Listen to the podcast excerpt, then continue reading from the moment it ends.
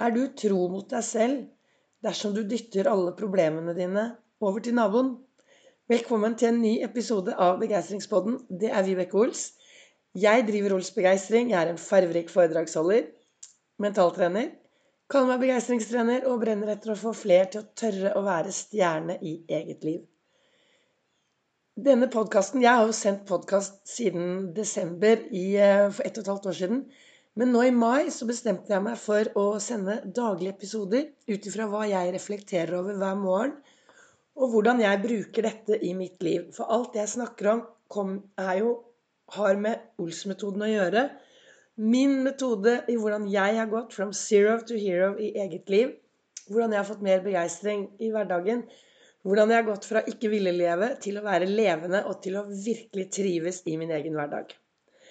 Og hver morgen så ender jeg opp i godstolen hvor jeg reflekterer litt ut ifra kalenderen min og boken min som jeg leser i hver dag. Og i dag så sto det en av tingene jeg lærte da jeg vokste opp, var at man alltid skal være tro mot seg selv og aldri la, si, la det andre sier, avlede deg fra å nå målet ditt. Og hva har det med dagens Hva det jeg tenker om at eh, er, det, er du tro mot deg selv når du dytter problemene dine over til naboen. Klokken er eh, litt over fem. Jeg har sovet ganske lite i natt. Takk være noen av mine naboer. Ikke de nærmeste naboene, men noen litt lenger bort. Og det kan hende at det er litt bråk i bakgrunnen når jeg snakker. Måkeskrik så det ljomer etter. Her på søndag så plutselig så titter jeg ut av vinduet, så ser jeg to flotte damer med hver sin eh, paraply. Og så går jeg ut og sier jøss, hva er det dere gjør for noe, da? Nei, nå orker vi ikke mer av disse måkeungene, så nå har vi jaget de vekk. Hvert eneste år de siste årene så har det vært et sånt måkereir på taket litt bortenfor her. Og så hopper måkeungene ut, lander på plenen, og så er det et virvar og et styr og bråk av måkeforeldre som skal passe på måkeungene sine, så ingen tar de. Og nå orket ikke disse naboene litt lenger borti veien her mer, så de jaget de bort i min hage. Så nå har jeg to måkeunger som eh, holder til i haven, og en haug av måker som passer på. Så nå må jeg gå med paraply.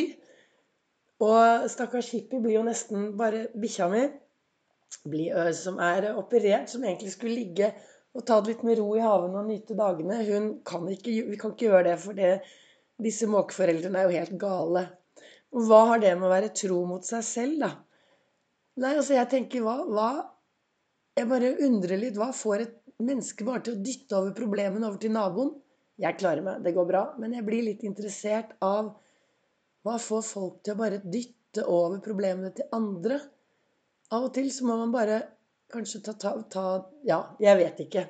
Men uh, det var det jeg tenkte litt over når jeg leste denne teksten her, det å være tro mot seg selv. Og det får meg til å tenke på denne historien om disse froskebarna. Det er i denne froskelandsbyen hvor det er masse froskebarn som skal eh, De skal ha et mesterskap. De skal klatre opp en fjellvegg. Og den fjellveggen er bratt. Så de skal klatre opp denne fjellveggen, og så begynner de. Og én etter én faller ned, for frosker er ikke skapt for å klatre rett oppover en fjellvegg. Og plutselig så er det bare tre frosker igjen. Og de der nede, de, alle de andre froskebarna, de roper 'Nei, du klarer det ikke. Du får det ikke til. Du får det ikke til.' Men de klatrer og de klatrer. Og de nede roper 'Du får det ikke til. Du får det ikke til.' Én faller av. En til faller av. Og så er det bare én liten froskeunge igjen. Og han klatrer og han klatrer, og han nærmer seg toppen. Og de der nede skriker 'Du får det ikke til. Du klarer ikke å komme opp.' Og plutselig så er denne frosken på toppen. Og hva var grunnen til at denne frosken klarte det, og ingen av de andre? Jo, han var døv. Han hørte ikke hva de andre sa. Og hvordan er det med deg? Hører du på hva alle andre sier til deg?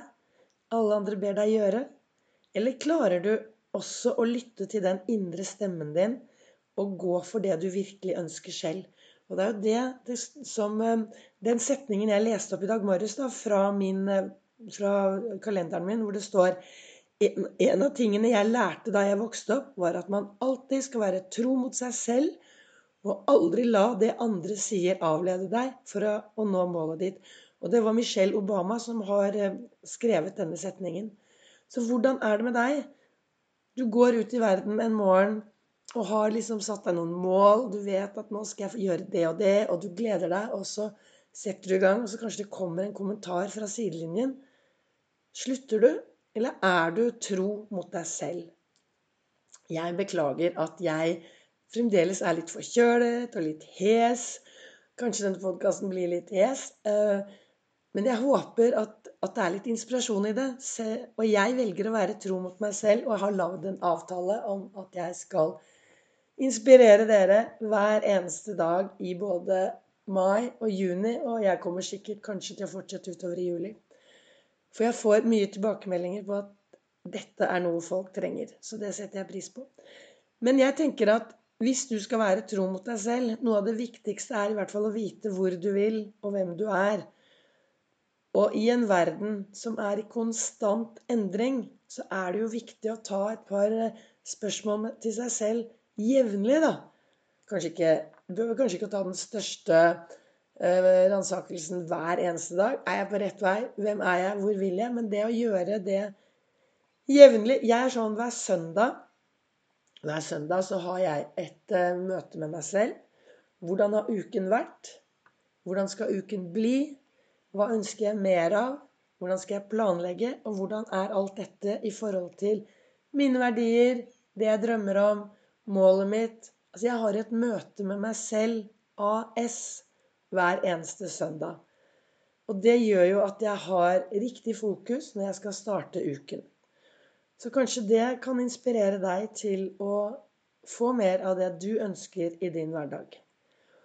Og du, hvis du er superfornøyd med sånn som du har det akkurat nå, så skal du fortsette. Da skal du være kjempeglad.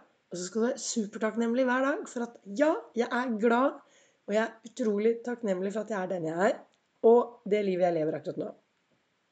Dersom du ønsker endring, Dersom du er lite fornøyd, dersom du klager, er sur og forpester miljøet ditt rundt deg, så sett deg ned og finn ut hvordan du har det, og så gjør du noe med det. Og så har jeg én ting til jeg har lyst til å si i dag, som er veldig, veldig viktig. Dersom du er en som har barn eller ungdom I disse dagene så kommer stolte barn hjem fra skolen med karakterene sine, med vitnesbyrd av og til så hender det på et vitnesbyrd på et karakterkort at det er én dårlig karakter. Hva med å fokusere på alt det som er bra? Vi kan jo ikke måle barn og ungdom ut fra det som de gjør som er dårlig. La oss, la oss rose dem for det de gjør som er bra. La oss gå på skattejakt etter det de har gjort som er bra. Jeg tenkte bare jeg skulle si det helt til slutt, for jeg tenker jo at de fleste barn og unge gjør så godt de kan. Og hvis de bare skal bli målt på det de gjør som ikke er bra, så bygger vi ikke barna våre. Vi trenger å fokusere på det som er bra, og det de gjør som er bra, så får vi mer av det. Det var liksom bare sånn noe jeg ville si sånn helt på slutten. Tusen takk for at du lytter til meg og min hese begeistringspod. Spre den gjerne videre. Del den gjerne videre. Du kan følge meg på Facebook, og du kan følge meg på Instagram på Ols Begeistring. Og så kommer det en ny episode i morgen.